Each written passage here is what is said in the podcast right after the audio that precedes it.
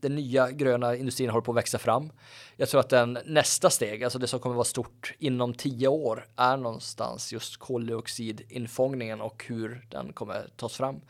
Så vi kommer dels steg ett locka hit forskare och få folk att forska om det. Det kommer ge en bra grund för att börja implementera tekniken och sen bygga fabrikerna. Det kommer nog vara en minst lika stor industri som lastbils och fordonsindustrin i Sverige om 10-15 år. Så kan vi få det att ske så kommer vi bli väldigt mycket rikare och väldigt mycket gladare.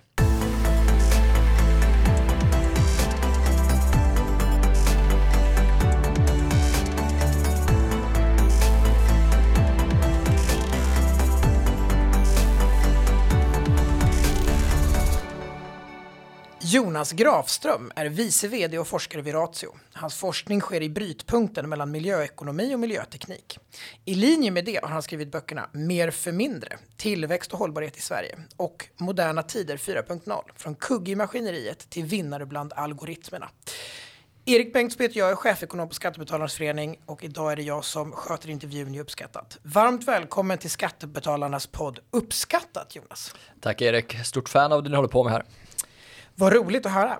Om vi börjar från början. Ratio, vad är det för någonting? Ja, det är näringslivets forskningsinstitut. Det har funnits i 20 år och kanske några dagar. Vi firade 20-årsjubileum förra veckan. Så 20 år och en vecka, still going strong. Vi forskar mycket om företagens villkor, entreprenörskap och hur politisk förändring blir till. Det är huvudområden, men nu har vi börjat rikta in oss mycket på miljö och regelförenklingar. Så, ja, det är gott och blandat, men eh, man kan ju inte forska om samma saker hela tiden. Så här, om, eh, så här, om det går så bra som vi vill så har vi tagit fram rimlig fakta till politiken och de kan göra ändringar i samhället. Så gör vi vårt jobb så måste vi hitta nya saker att forska på. Forskar ni bara på de sakerna som redan sker eller forskar ni också på politiska reformer som borde ske? Eh, både och. Eh, ett stort projekt vi haft har handlat om ja, hur ska man få ny kunskap på arbetsmarknaden och kompetensförsörjningen är alltid jätteviktig och ja, men kompetensförsörjning det förändras ju också. Alltså, det är sällan en fråga är evig och klar. Att eh, ja, en ny teknologi kan ju slå om hela arbetsmarknaden, göra jättemånga människor arbetslösa och till och med skapa väldigt mycket jobb som vi kommer prata om i en av mina böcker på ett tag. Men eh, jag ser det så här att eh, vi är aldrig klara. Det är ju lite deprimerande med forskningen, men å andra sidan finns det ju alltid nya saker att forska om. Jag tror att eh, den dagen man säger att det finns ingenting att forska om, då är det nog inte Problemet är inte att det inte finns något att forska om, det är nog, problemet är en själv att man är inte tillräckligt nyfiken och duktig. Vi kommer att återkomma kring den arbetsmarknadsforskning som du och ni har bedrivit. Men jag tänkte vi skulle börja ett lite annat, an, ett lite annan ände. Eh, du har ju bland annat studerat förutsättningarna för storskaligt infångande av koldioxid, så kallad CCS-teknik. Är det vägen framåt för industrinäringen att man helt enkelt fångar in utsläppen? Eh, jag tror att det är enda vägen att gå, om man förutsatt att man vill klara eh, Parisavtalet och man inte vill ha en högre medeltemperatur på planeten så kommer man måste göra det här. Jag sitter nu och skriver en bok, den kommer komma ut den eh, första juni om jag överlever fram till dess. Det är ganska mycket jobb nu, jag ligger lite efter. Eh, men det, den eh, ja, går igenom hur, vad och varför koldioxidinfångning är viktigt. Och det här kanske låter väldigt futuristiskt att fånga koldioxiden. Man kan ju inte direkt säga att man ser den i luften. Men eh, koldioxidinfångning är egentligen inte en ny magisk teknologi. Den har funnits jättelänge. Har du sett till exempel filmen Apollo 13? Jaha. Ja, bra. Och vad är det som händer i vad, vad, vad, vad händer där? De får problem med sin rymdresa. Yes, ordentliga problem. Det är någonting som exploderar och eh, de här astronauterna, de måste ta sig från ja, den här tremannamodulen, men de kan fortfarande ta sig hem via att gå in i månlandaren, fast den är ju bara byggd för två personer. Och det är ju inte så bra. Och eh, i den här, då börjar eh, ja, koldioxidhalten fyllas upp. Så här, ppm i atmosfären, den här lilla atmosfären då, blir för hög. Och om vi människor är för hög koldioxidhalt, ja, först blir man lite irriterad, får ont i huvudet och efter ett tag så dör man för att det blir nästan bara syret försvinner. Och problemet man har här i Apollo 13 och det var ju så i verkligheten också att i den ena modulen hade de ett runt hål på koldioxidfiltret och den andra ett fyrkantigt filter. Och de blev fulla så de var tvungna att komma på bara hur kan vi sätta ja, ett runt filter på ett fyrkantigt hål. Men här, eh, det är ju länge sedan, över 50 år sedan man skulle fånga koldioxid. Det var det Tom Hanks uppgift i filmen var. Och på samma sätt, du överlever inte i en ubåt heller utan att ha någon form av koldioxidinfångning så att luften blir bra. Det är ett ganska slutet utrymme så att säga. Problemet idag är hur ska vi skala upp den här teknologin från ja, små filter som motsvarar de som sitter på väggen till ja, kanske flera miljoner enheter som suger i, i sig koldioxid. Och eh, ja, det finns ju ett par varianter av det. Till exempel eh, ja, direktinfångning, det är det egentligen man kallar så CCS, Carbon Capture and Storage. Det har varit att man sätter typ ett filter på stora skorstenar, kanske kolkraftverk, fångar koldioxiden och kör ner det under marken igen, då har du i alla fall noll utsläpp. Men problemet är ju någonstans att vi behöver negativa utsläpp och med negativa utsläpp menar jag att ja, mänskligheten, det, det, det, är minus. Det är inte bara att vi ligger på nollan, utan det är ganska ordentligt mycket vi plockar tillbaka ur atmosfären. Förutsatt att vi inte vill ha mycket högre temperatur på planeten. Och då är det helt andra typer av, av infångningsmekanismer och tekniker man använder sig av, eller? Precis. Så det absolut enklaste sättet är ju att plantera träd. Träd suger åt sig ganska mycket koldioxid och blir, ja, de blir ju träd, det kan du göra kol av till exempel i slutändan. Eh, men eh, problemet där är att ja, vi har inte plats nog på planeten att eh, odla så många träd som vi behöver för att fånga upp det här. Ett intressant för Sverige skulle vara om man odlar träden, hugger ner dem, bränner det för bioenergi som vi gör och sen fångar koldioxiden på de här ja, skorstenarna jag pratade om och sen kör ner det under marken och nya träd växer till. Det skulle kunna vara en modell för Sverige, men det funkar såklart inte för länderna i närheten av Sahara. Ehm, så därför behöver vi komma på någonting mer och det som händer på teknikfronten och man får se om det går att skala upp eller inte är att fånga det rakt ur luften och då är det motsvarande containrar med stora fläktar som drar in luft luften som innehåller till koldioxid går över filter där koldioxiden fastnar. Så här, väldigt enkelt förklarat. Jag är ju inte ingenjör på något sätt. Det finns en massa fysikaliska lagar. Jag, min fru är ingenjör. Jag frågar henne ibland och det här verkar alldeles uppenbart och enkelt och hon frågar varför jag skriver om det här och det kommer ju fråga sig. Men då fångar man det och tar ner det under marken så det sätter egentligen rena luften från de soporna vi har släppt ut.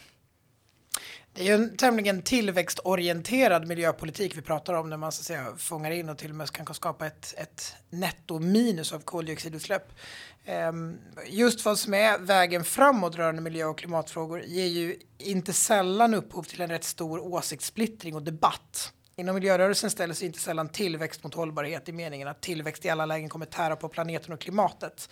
Eh, är det så det ser ut eller går det att förena tillväxt med hållbar utveckling? Eh, jag tror att det går att förena. Vi har sett det i Sverige har till exempel eh, koldioxidutsläppen gått ner ganska ordentligt sedan både 70-talet och 90-talet. Sedan år 1990 så har koldioxidutsläppen gått ner med ungefär 30 procent samtidigt som BNP har gått upp 80 procent. Eh, det kanske till och med nästan 100 procent nu, så det är verkligen så här divergerar. Och det här har inte bara hänt i Sverige, det har hänt i nästan alla europeiska länder. Många går det betydligt bättre för. Samma sak händer i USA. Och vi har inte heller skeppat bort utsläppen som man kanske tänker, ja man kanske gör allt i Kina, men så här, Danmark är en större handelspartner än Kina. På samma sätt som många andra europeiska länder är det också. Och när utsläppsnivåerna går ner i de andra europeiska länderna, ja men då går ju också våra importutsläpp ner. Och eh, jag skulle säga att eh, det spelar ju roll hur man producerar energi i slutändan och det vi ser nu är att eh, vi har ganska ordentlig tillväxt på den förnybara energin. När eh, jag började doktorera i Luleå, det var, det var en evighet sedan, det var 2011. Eh, då hade priset på både sol och vindenergi gått ner med 10% per år det senaste decenniet och om något går ner med 10% per år, det blir jättebilligt. Det är tur att det inte är våra lägenheter. Och eh, ja, under tiden, de här från 2011 och när jag doktorerade fram till nu, ja, men det har fortsatt neråt i samma, ja, på samma nivå. Till och med solenergi börjar bli ekonomiskt lönsamt uppe i kalla Norden där det förut på så här, kartorna där det så här, skulle funka eller inte, äh, det var inte en chans. Nu är det ja, nästan billigt. Så förutsatt att vi kan göra allt det här energikrävande utan koldioxid, vilket den förnybara energin kommer göra, ja men då har vi nästan ja, minimal påverkan genom koldioxid och sen blir det steg två, ja, men, fånga in koldioxiden. Och eh, just nu är det dyrt att fånga in koldioxid. Det kommer ta ett tag innan det motsvarar skatterna eller priserna på EU ETS. Men så länge den förnybara energin går ner i pris så kommer vi kunna, ja, när det blir billigare och billigare så blir det också billigare och billigare att fånga koldioxiden.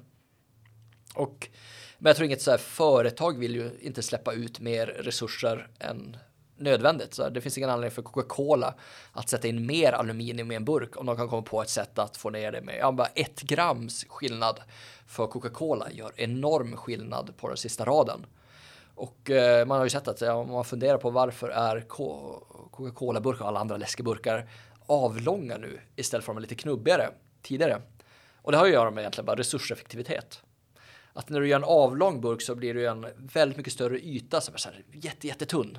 Och så är det bara toppen och botten, det där är starkt jämfört med den knubbiga.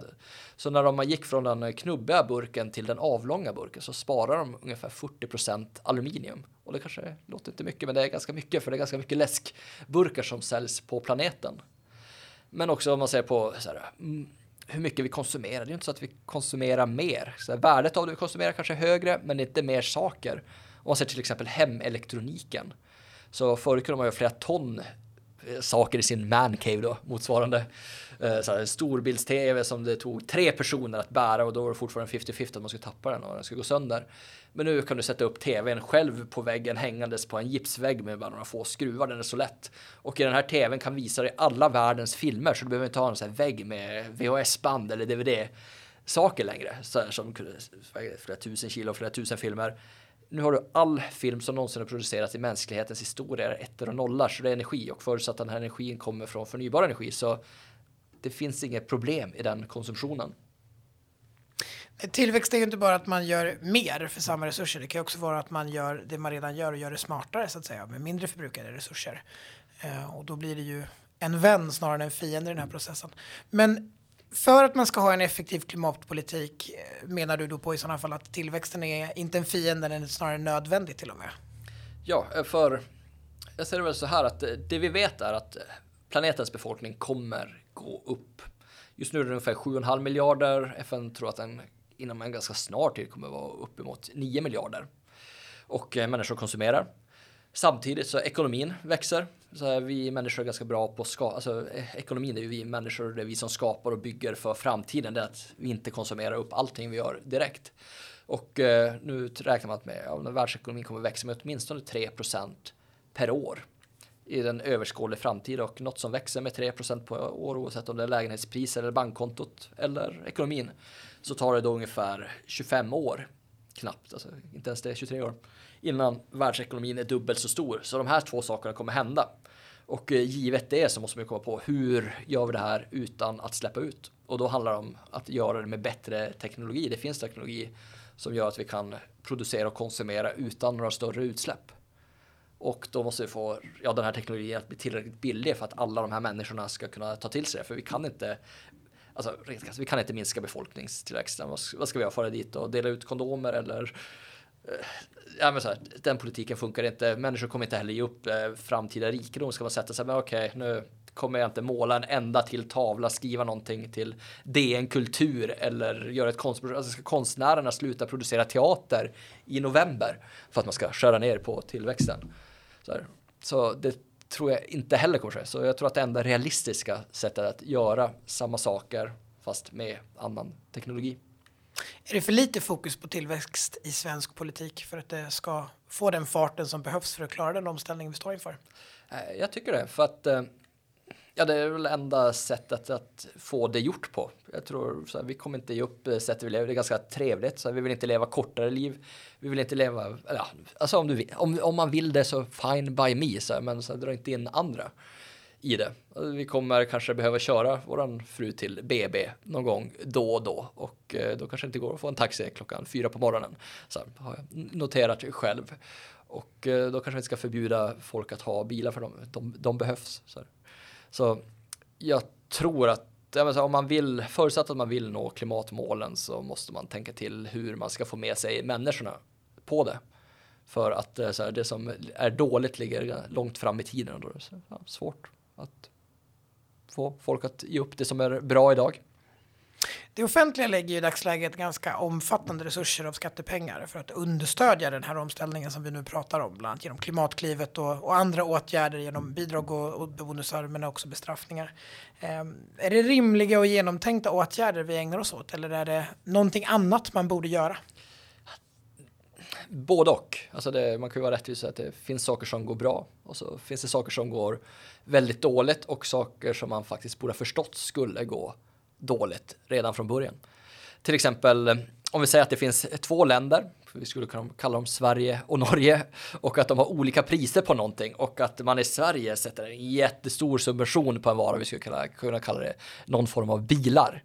Och att det går att köra till Norge så här, utan större problem. Ja, men det är klart man köper den här saken i Sverige, kör den till Norge och så har man ju en vinst däremellan. Så här. Klassiskt arbitrage. Så, och det, det här har ju hänt i verkligheten. Så här, man har gett stora bonusar till elbilar. Det, dels driver det upp priset på de här elbilarna och sen kan man sälja dem i Norge och tjäna pengar på det. Så det är ju dum politik. Samma sak som eh, egentligen alla statliga subventioner driver upp priser. Det är ganska dåligt användande av skattepengar oavsett om det var rotavdraget som kom till, ja, när det kom till där för ganska länge sedan, eh, så såg man att året efter så hade rottjänster gått upp 50% i pris. Och det är ju klassisk nationalekonomi, det är ju så här tentafråga som vi har, att ja, men rita upp så här utbud och efterfrågan och hur ser priset ut efter att staten har satt en subvention. Och då ser man, ja, då drar det, flyttar du ena kurvan och så ser man, okej, okay, priset går upp och lite beroende på hur mycket kurvan lutar så kommer ju priset gå upp en hel del och så ser man vem är vinnare, konsumenten eller producenten. Ja, men oftast är det så här, producenten, så det är ett, en bonus till producenter. Samma sak man såg elpris, priserna på elcyklar gick upp ganska mycket när man satte så här, du får 10 000 i skatterabatt när eh, när du köper en elcykel, ja, men då går ju såklart priset upp 10 000 på en elcykel. Så och jag är inte förvånad som ekonom när jag ser det. Så det är ett förfärligt användande av skattebetalarnas pengar. Men eh, det är inte sagt att man inte kan göra bra miljöpolitik. Till exempel så här, teknologiutveckling tror jag är kanske det viktigaste man kan göra i miljöpolitik. För teknologi kan du sprida oändligt många gånger. För att eh, ja, till exempel mitt användande av en teknologi hindrar inte ditt användande. Det, det, det, finns inte bara en enda iPhone någonsin gjord, utan den kan man ju producera hur många gånger som helst. Och samma sak tycker jag, får vi se hur hybridprojektet uppe i Luleå fungerar, om man ska kunna göra stål utan kol.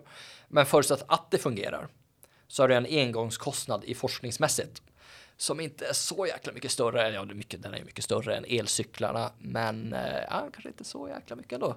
Eh, och eh, får man till teknologin när man väl gör det, ja men vi kan såklart tjäna jättemycket pengar på det här och sälja det till världen. Eller bara skicka ut pdfen med ritningen och säga okej, okay, skär ner koldioxidutsläppen på planeten nu med 8 procent. I ett go, ett mail. Så, så får man bygga det, ta lite tid. Men det gör stor skillnad.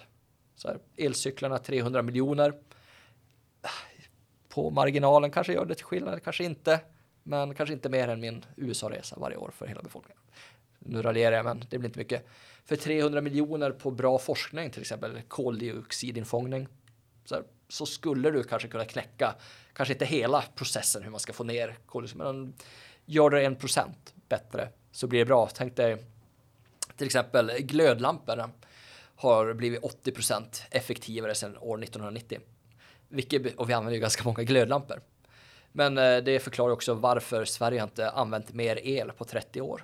Så här, folk tror när man frågar om jag frågar mycket studenter sen på mina föreläsningar.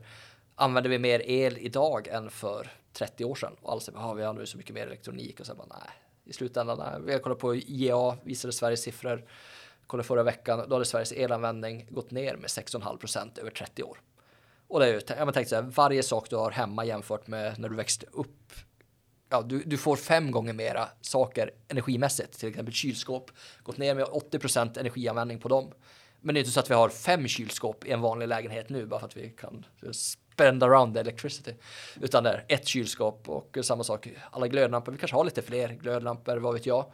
Men de håller 25 gånger längre och eh, drar bara 20 procent av de gamla. Så det är, ja men så här, förbättrar du glödlampan med 1 procent idag så kommer ju världen den största skillnaden tror jag någon människa har gjort för elanvändning och eh, energianvändning.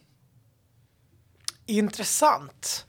Eh, skillnad på symbolpolitik därmed och åtgärder som, som faktiskt har någon form av påverkan på lång sikt. Ja, ja men det, jag, jag, tycker verkligen det. Jag blir ibland upprörd när man ger bort andra människors skattepengar på saker som är så uppenbart att det här kommer inte funka speciellt bra och att det är egentligen bara ett subvention till eh, de som har affären och kanske ångrar att jag inte säljer elcyklar då. Men eh, det, det är ju inte så att inte alla partier gör sådana här saker. Det finns RUT, ROT-avdrag och alla möjliga avdrag. Och det här är kanske bara generellt sagt, nu är en skattepolitisk podd så kan jag säga ju gärna att vi bara även håller bara skatten låg då istället för att ge jättemånga miljarder i subventioner överallt.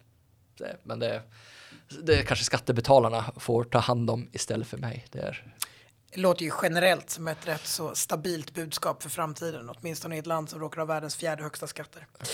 Du, vi ska röra oss vidare från miljöpolitik, för du forskar ju på en hel del andra områden som också är väldigt intressant. Eh, och du har ju bland annat forskat om framtidens arbetsmarknad och bland annat studerat hur digitalisering och teknikskiften påverkar arbetsmarknaden. Eh, på det ämnet har du också skrivit en bok som heter Moderna tider 4.0, från kugg i maskineriet till vinnare bland algoritmerna. Vad handlar den boken om? Vem är det som är den hemliga mördaren? Mm. Det är att eh, arbetstillfällen inte kommer försvinna, är den hemliga mördaren. Och att eh, titeln är så krånglig är förlagets fel. Eh, jag fick inte sätta den själv alls, eh, utan det, det hjälpte de mig. Men å andra sidan har jag aldrig satt några titlar på böcker förut, så det var lika bra att någon som hade aning om vad man gjorde satte den. Men eh, när jag började intressera mig för arbetsmarknad och teknikförändring så jag disputerade inom just teknikförändring. Det är liksom mitt huvudtema i nästan allt jag gör.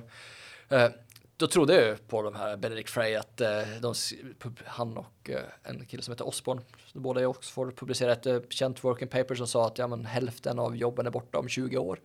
Och det följdes ju upp av Stefan Fölster som också räknade på samma metod och sa att ja, kanske 49 procent av jobben i Sverige är också borta i närtid. Och det blev, blev man lite orolig Det är superspännande. Mycket rubriker, väldigt stora rubriker.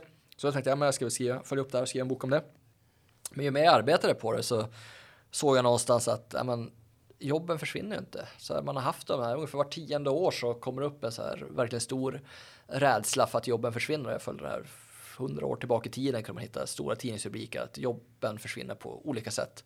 Jag har en samling till exempel på Time Magazine, så Der Spiegels framsida och varje årtionde finns det så här robot på något sätt eller en dator på framsidan och säger bara sis inte en lassen så att du blir av med jobbet eller bara the robot revolution oavsett om det är 50, 60, 70, 80-tal så jobben ska försvinna och det ska bli, ja, ingen ska ha något att göra men det löser sig alltid. För det man ser, ja såklart att du kan se att vissa affärer stänger ner i centrum, och att de här piffiga människorna som här, går och sorterar t-shirts inte finns där längre. Men det man inte ser på samma sätt är ju att ja, det byggs upp en enorm lagerindustri och folk som jobbar på lagren, folk som får ut med de här eh, paketen och eh, också ganska riktigt bra jobb på de här teknikföretagen som bygger hemsidor, bygger systemen för att sälja.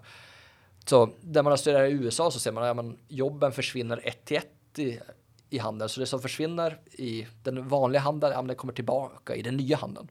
Det är inte ett problem. Och om man skulle ta de här som, ja nu börjar vara tio år sedan som sa att hälften av jobben skulle försvinna, kollar ut och nej, det ser inte så ut. Det verkar som att nya jobb som vi aldrig ens kunde tänka oss kommer till och det gör med att ja, teknikutvecklingen är snabb så det är svårt att se framtiden om man går 13 år tillbaka i tiden så stod ju Steve Jobs och presenterade den första iPhonen som var den första vettiga smartphonen med, i alla fall med touchscreen. Och det är inte jättelänge sedan och hoppar man 13 år tillbaka över det, ja, då var det inte ens hemdator med internet var inte jättevanlig. Så det är ett 24 års hopp och det är inte ens lång tid på en arbetsmarknad. Och 13 år, det är som från när man är, ja, precis går ut gymnasiet till man är 30. Man har inte ens kommit igång med karriären. Och eh, jag skulle kunna sätta alla sedlar jag har i plånboken, vilket är typ 2 dollar, på att eh, det just nu tas fram en te teknik som är minst lika revolutionerande som mobiltelefonen eller internet. Och det kommer göra jäkligt mycket för arbetsmarknaden. Men jag har ingen aning om vad det är. Och hade jag vetat det hade jag varit jätterik vad det går ändå att säga så att säga vilka jobb det är som, som kommer att försvinna och vilka jobb det är som kommer att växa fram? Finns det någon generell trend där eller är det teknikskiftena som kommer att styra och de vet vi ingenting om? Ja, men det man generellt ser i alla fall att eh, när en robot kan ta över tillräckligt mycket av ett jobb så brukar det kunna göra det. Men ofta är det att ja, roboten kanske skulle kunna ta över 90% av jobbet men 10% så här, absolut inte och då går det inte att göra det. Men så här, det man har ju sett så här klassiska så här, sitta på bankjobb, ja, det är bort, jätteborta. Jag kommer ihåg när jag började undervisa nationalekonomi där vid 2000 2011-2012 så ville ju alla studenter ha ett bankjobb typ, uppe i Luleå i alla fall, så här, så här, Villa, Vove, Volvo och sitta där på SCB eller Swedbanks kontor och så här, i en kostym. Och det var ganska lagom ambitionsnivå. Nu tänker man bara, men glöm din dröm. Eh, någonstans, för de jobben är borta sedan år 2000 och Swed, då hade de ungefär 1000 kontor, nu är de nere i 250 kanske. Och det här är inte en bank som går dåligt, det är en av de bättre bankerna ekonomiskt sett i Europa. Men så där tänkte jag, men det kanske har försvunnit jobb i banksektorn, men nej, inte just. När jag skrev boken så att jag kollade på årsredovisningar för bankföreningarna, alltså intresseorganisation för banker. Och då såg man, ja men då hade antalet jobb i banksektorn gått ner med 50 stycken på 20 år. Och då hade man lagt ner så 75% av kontoren och sagt upp de mesta. Men det var bara att ja, ett traditionellt bankjobb var inte en 40-plussare med en kandidatexamen som satt och förklarade hur kontot såg ut, utan nu var det en jurist eller en IT-tekniker var ett väldigt vanligt bankjobb. Vilket inte är jättekonstigt, för vi gör ju allting nu digitalt och det är ju enorma system som alltid måste fungera, massvis med compliance. Så ja, bankjobb, det är sam, ja, ungefär samma tjänst, hjälper oss betala, men det görs på helt andra sätt. Jag misstänker att titeln på boken eh, återkopplar till gamla Charlie Chaplin-filmen Moderna Tider. Yes. Eh, där ju han jobbar vid ett löpande band som ju går allt snabbare med nya maskiner och till sist hinner inte han med och då löper allting amok istället. Eh, finns det en sån sensmoral att, så att säga, tekniken behöver också människorna men på rätt ställen eller vad? Hur ska man se kopplingen till Charlie Chaplin-filmen? Ja, men det är helt klart en stöld av Charlie Chaplin. Och eh, det är en ganska fin film. Så det, det, löser sig på slutet där, det blir lyckligt. Så Han Försöker en massa olika jobb, men det visar också på att ja, så här, människan i maskinen, allting fort, så är det inte så kul. Det har man ju reagerat på flera gånger, men som filmen visar, det löser sig. 4.0 i titeln är, ja det är taget från en massa olika saker och lite påhittat, men det är eh, Industri 4.0 är ju känt, det tyska, eller ja, Industri 4.0, det fanns ja, man tänker också att det här kanske är den fjärde industriella revolutionen från först ja, ångkraften, elektriciteten, datakraften och nu vad är det på väg? Så ja, det är, ja, kanske inte var jättekreativt att sno hans titel, men den är ganska bra också. Eh, jag tycker det är nya moderna tider, så varför inte använda det? Det är ju en bok som innehåller fler eh, popkulturella referenser. Eh, inte minst Skalman dyker upp. Ja, det här tycker jag är en jätteviktig så här, historia. Jag behöver berätta den. Det var eh, så jag såg en gång en så här framsida på Aftonbladet, eh, så här, upplysande ibland. Men då var det ingenjörsattacken och då hade det varit ett nummer i Bamse som eh, gick ut på att ja, det var, jag tror hon heter Brummelisa, det var Bamses dotter. Hon hade hon en så duktig entreprenöriell tjej och eh, hon hade började jobba på en städfirma, hon var så duktig så, ja men sorkarna som jobbar där, så lite stereotypt då, fyra sorkar såg, ja men hon eh, kommer ju få oss att se dåliga ut så de satte dit Brummelisa för en stöld så hon fick sparken. Så här. Och då var hon entreprenör och startade sin egen städfirma med hjälp av en städrobot som hon hade hittat i Skalmans förråd. Och det tycker jag, där borde historien slutat och alla levde lyckliga alla sina dagar. Men då går Skalman in och säger bara nej, så sätter roboten i ett eh, förråd. Bara, den här uppfinningen borde aldrig ha gjorts. Bara, nej, dumma robot. Du tog jobbet från fyra stycken städare. Och inte blev ju någon glad för det. Bara, nej, robotar gör ju ingen glad för sista rutan. Och Brummelisa fortsätter då jobba med de här sorkarna. Jag tror lägger ner sitt företag. väldigt märkligt så här. Helt fel, tycker jag. Men eh, det är också så lite teknikrädslan, så här, robotarna tar jobben. Och eh, tycker man ska reagera på så här, men det, det, är bara bra om robotarna tar vissa jobb. Alltså, oftast blir det att eh, de eh, över tid så är, blir det ju bättre jobb. Jobben blir säkrare, de blir mer välbetalda, det vi har sett hittills. Visst så får man ju ha koll på de som blir av med jobben det blir ju inte alltid lätt för dem. Det var ju lättare förr kanske när, ja om du var en eh, plåtslagare eller en hovslagare så fixade hästarnas skor. Gick in på Ford-fabriken när bilarna tog över. Det var en ganska lång process och det var inte jättemycket utbildning. Men idag så, jag har full respekt för att det är svårt att vara busschaufför och sen bli Google-programmerare. För just nu kör man ju självkörande bussar. Jag var ute i Barkarby, där utanför Ikea stod det en självkörande buss som man kunde åka med om man ville runt omkring på området. Tydligen var det en SL-chaufför som också satt med, men jag tror inte den där personen hade så mycket att göra. Han såg väldigt uttråkad ut. Men eh, så här, om det går på Barkarby, så här, världens hetsigaste shoppingområde, det kanske inte är världens hetsigaste, men så här, då går det på andra ställen också. När jag skrev boken, det här var ganska länge sedan jag började, tror jag började 2016, så ja, då hade Volvo 300 självkörande bilprototyper i Göteborg. Det har hänt ganska mycket sedan dess. Så en dag tror jag alla bilar kommer vara självkörande, kommer inte behöva lika många heller. Superbra. Vi pratade ju tidigare om relationen mellan så att säga, tillväxt och eh, klimat, om det är så att säga, förutsättningar för varandra eller fiender. Hur ligger det till då med digitaliseringen och arbetstagare? Eh, är det en fiendesituation det handlar om? Är det här så att säga eh, Skalmans teorem kommer att vara dominerande i politiken framgent eller finns det anledning att nyansera den bilden också rent sakligt, inte bara om man är teknikoptimist överlag? Um, ja, det finns det alltid det är, inte, det är inte alltid säkert att eh, saker går ihop. Men det har vi sett i många länder att uh, över tiden så blir det renare.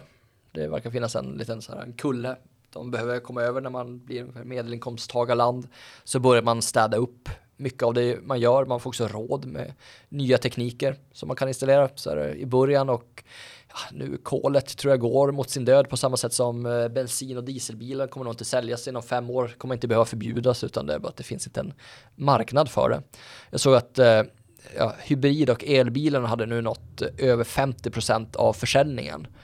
Och det är en uppgång med tror jag 20 procentenheter på ett och ett halvt år.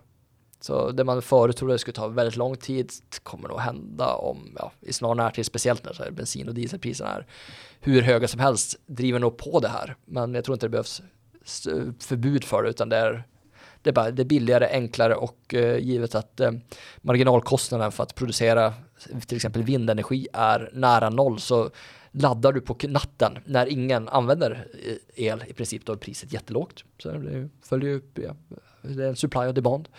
Så om du kan köra omkring utan att det kostar någonting. Så är det jättebra för ja, de som betalar för det. Och om vi pratar arbetsmarknaden, kan man dra samma koppling dit och digitaliseringen som sker och hur det förändrar arbetsmarknadens förutsättningar? Ja, men jag tror att vi kan, om vi digitaliserar mer så kan vi göra saker helare och renare. Alltså någonstans handlar det om att eh, ja, att optimera produktionen och göra saker bättre gör ju att vi använder mindre resurser, till exempel en 3D-skrivare är en intressant eh, sak som gör att du kan eh, bygga ja, inputs i bilar på ett helt annat sätt med mycket mindre energi, mycket mindre materialsvinn. Kan du göra det så kanske du till och med kan skapa en hel del transporter. Vi kanske inte behöver göra allting i Kina. Ju mer vi robotiserar våra egna fabriker, ju mindre transportutsläpp kommer vi ha arbetsmarknaden är ju inte bara en fråga om eh, säga, teknisk utveckling eh, och, och utbud och efterfrågan därmed, utan det är också något som är enormt reglerat med, med lagar och inte minst skatter som styr. Den omställning som nu sker, som vi pratar om, är liksom Sverige väl rustat för det eller skulle vi behöva göra någonting bättre eller annorlunda för att kunna bättre ställa om till en ny arbetsmarknad?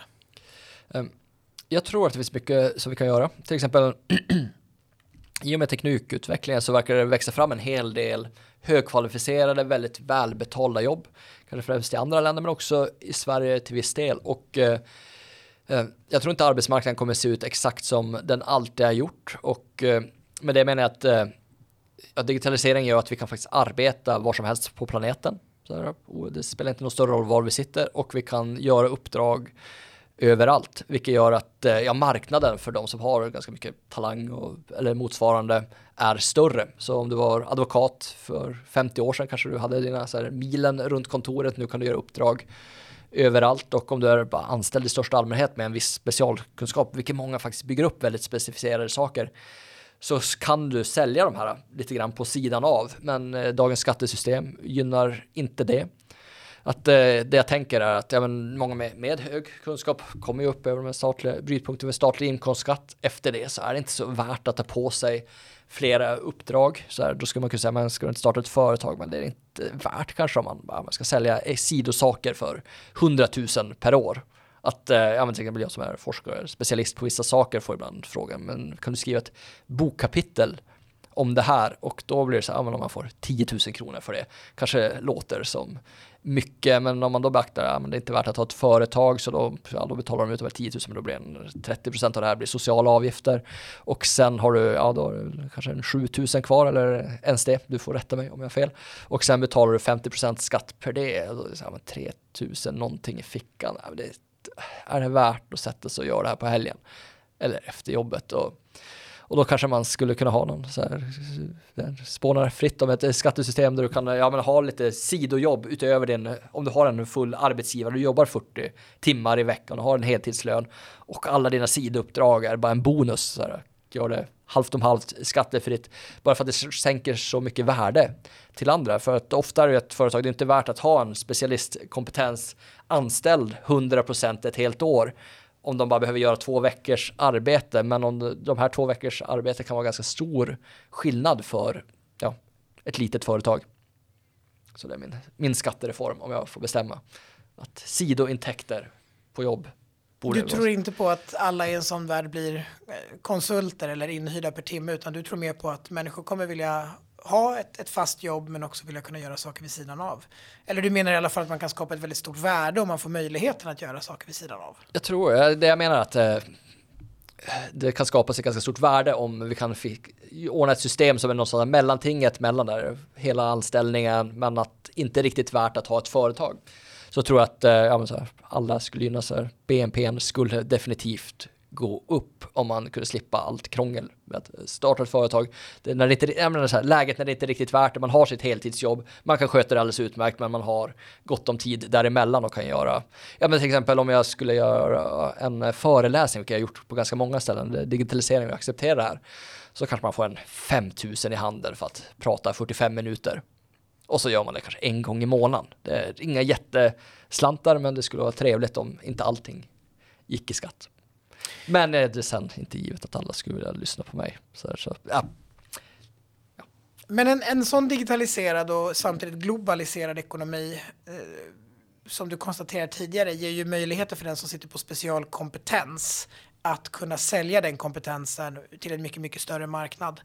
Leder det oundvikligen till någon form av superstar economy som amerikanerna kallar det för, där den som sitter på den yttersta kompetensen kan ta ohemult betalt och där alla andra därmed halkar efter? Eh, ja, eller rent krasst så, så gör det att eh, de större marknaderna driver ju definitivt inkomster. Om eh, ja, back in the days när Homeros presenterade Oliaden och Lysén så kanske kunde prata runt 20 personer vid en lägereld efter det så det, rösten håller inte. Speciellt om man måste försörja sig på varje dag. Sen ett par tusen år fram i tiden, Globe Theater är en ganska häftig teknisk innovation som gör att ganska, nästan 500 personer kan höra vad man säger. Och idag när J.K. Rowling släpper en ny bok så kan den nå hela planeten samtidigt. Och ja, men det är väl klart att man vill läsa det nyaste och kanske lite grann det andra gör. Och eh, ja, men, samma sak, vem vill vara på så här femte största sociala nätverket i världen? Har ingen aning vad det är. Så visst, det skapar superstjärnor och varför betala för den som är så här näst bäst? Det ser man till exempel i fotbollen att eh, de topp 10 bäst betalda tjänar mer än de 100 därunder som tjänar mer än de tusen därefter. Så ja, men så här, jag tänker att om eh, man har gjort något brott, behöver en försvarsadvokat, ja men det är väl lika bra att betala så mycket som möjligt för alternativet är att sitta inne i 20 år i fängelset. Och då kommer vi ju liksom osökt in på, på frågeställningen kopplat till din bok. Eh, om man då inte vill bli en kugg i det här maskineriet utan man vill istället bli så att säga superstjärnan bland algoritmerna. Vad mm. ska man göra då? Vad är ditt bästa tips? Jag tror det är viktigt att vara i ständig rörelse. Att eh, ja, men så här, om man fryser och gör samma sak i tio år på ett jobb så kommer man någon gång inse att ja, så här, jag är bortrationaliserad, nu kan datan göra det här. Och eh, ja, så varje gång man kommer till ett nytt jobb känns det som att man räcker upp handen och bara hej, jag är Jonas, jag är nya killen i klassen, så jag kan ingenting. Och, och så lär man sig ganska snabbt och sen någonstans har väl många känt att ah, man planar ut, det händer inte så mycket, det är rutin och då är det nog dags att röra på sig. Att, eh, så mitt råd är att ja, men, byt jobb för att man lär sig väldigt mycket och att eh, en arbetsmarknad där man byter jobb väldigt ofta, det är kanske inte riktigt Sveriges arbetsmarknad. Så anställningsskyddet eh, är ju inte optimalt för sånt, så det tror jag håller tillbaka människor som skulle behöva röra på sig och få nya, alltså lära sig nya saker. Vissa de kan gå tillbaka till universitetet och lära sig, men jag tror att det mesta lär man ju sig på jobbet. Det är där man bygger nätverken som verkligen är guld. Det är där man lär sig vad som händer och försöker man i alla fall hänga med i branschen hyggligt. Alltså man behöver inte studera hela nätterna när man kommer hem för att hänga med. Men, bara, men gör bara någonting för att bli lite bättre varje år. Det, det är ett råd så här. Jag försöker det själv, men jag förstår om det inte går så här, när man har småbarn till exempel att sätta sig och läsa den senaste branschpressen. Det, det, det, är inte lätt så här. Men det, det är lätt att ge råd. Avslutningsvis eh, då Jonas Grafström. Vad eh, från din horisont och de forskningsområdena du jobbar med som handlar mycket om teknikutveckling. Vilka skatteförändringar skulle Sverige behöva för att komma ut som vinnare i den här globala ekonomin i framtiden? Ehm, jag tror vi behöver locka till oss de bästa människorna på planeten för att eh, ta fram de här eh, teknikgenombrotten. Det kommer ge väldigt mycket nya jobb. Jag tror att eh, det vi ser nu är till exempel att eh, batterifabriker etableras i Sverige och det är mycket, alltså det tror jag beror på om man kollar på vars elpriserna är höga och låga. Ser man ju till exempel om man kollar på Northvolt i Västerbotten. Priset i Tyskland, Frankrike, resten av kontinenten är inte bara 100% högre än i norra Sverige. Det är mer än 1000 procent högre. Vi har ett bra elsystem som kanske inte kommer vara bra för evigt. Där kommer vi behöva göra mycket. Men eh, nu kan man i alla fall se så här eh, nästan varje månad så är det någon ny så här 3000 nya jobb i Göteborg, 1000 jobb i eh, Borlänge, Bålänge, 3000 i Skellefteå. Det är så här den nya gröna industrin håller på att växa fram. Jag tror att den nästa steg, alltså det som kommer vara stort inom tio år, är någonstans just koldioxidinfångningen och hur den kommer tas fram. Så vi kommer dels steg ett locka hit forskare och få folk att forska om det. Det kommer ge en bra grund för att börja implementera tekniken och sen bygga fabrikerna. Det kommer nog vara en minst lika stor industri som lastbils och fordonsindustrin i Sverige om 10-15 år. Så kan vi få det att ske så kommer vi bli väldigt mycket rikare och väldigt mycket gladare. Intressant och också optimistiskt för framtiden eh, under de alla omställningar som nu ska ske som vi ska ta oss igenom. Stort tack för att du hade tid att ta dig eh, tid att vara med här. Det är uppskattat Jonas. Ja. Uppskattat är en podcast från Skattebetalarnas förening. Vi arbetar för låga och rättvisa skatter, rättssäkerhet för skattskyldiga och minskat slöseri med skattepengar. Vi bildar opinion och folkbildar i skattefrågan. Vi lever som vi lär och tar bara emot frivilliga bidrag. Uppskattar du podden och vill medverka till att Sverige blir ett land med minskat slöseri och rimligare skatter så stöder du oss enklast genom att bli medlem. Läs mer och bli medlem på www.skattebetalarna.se bli medlem.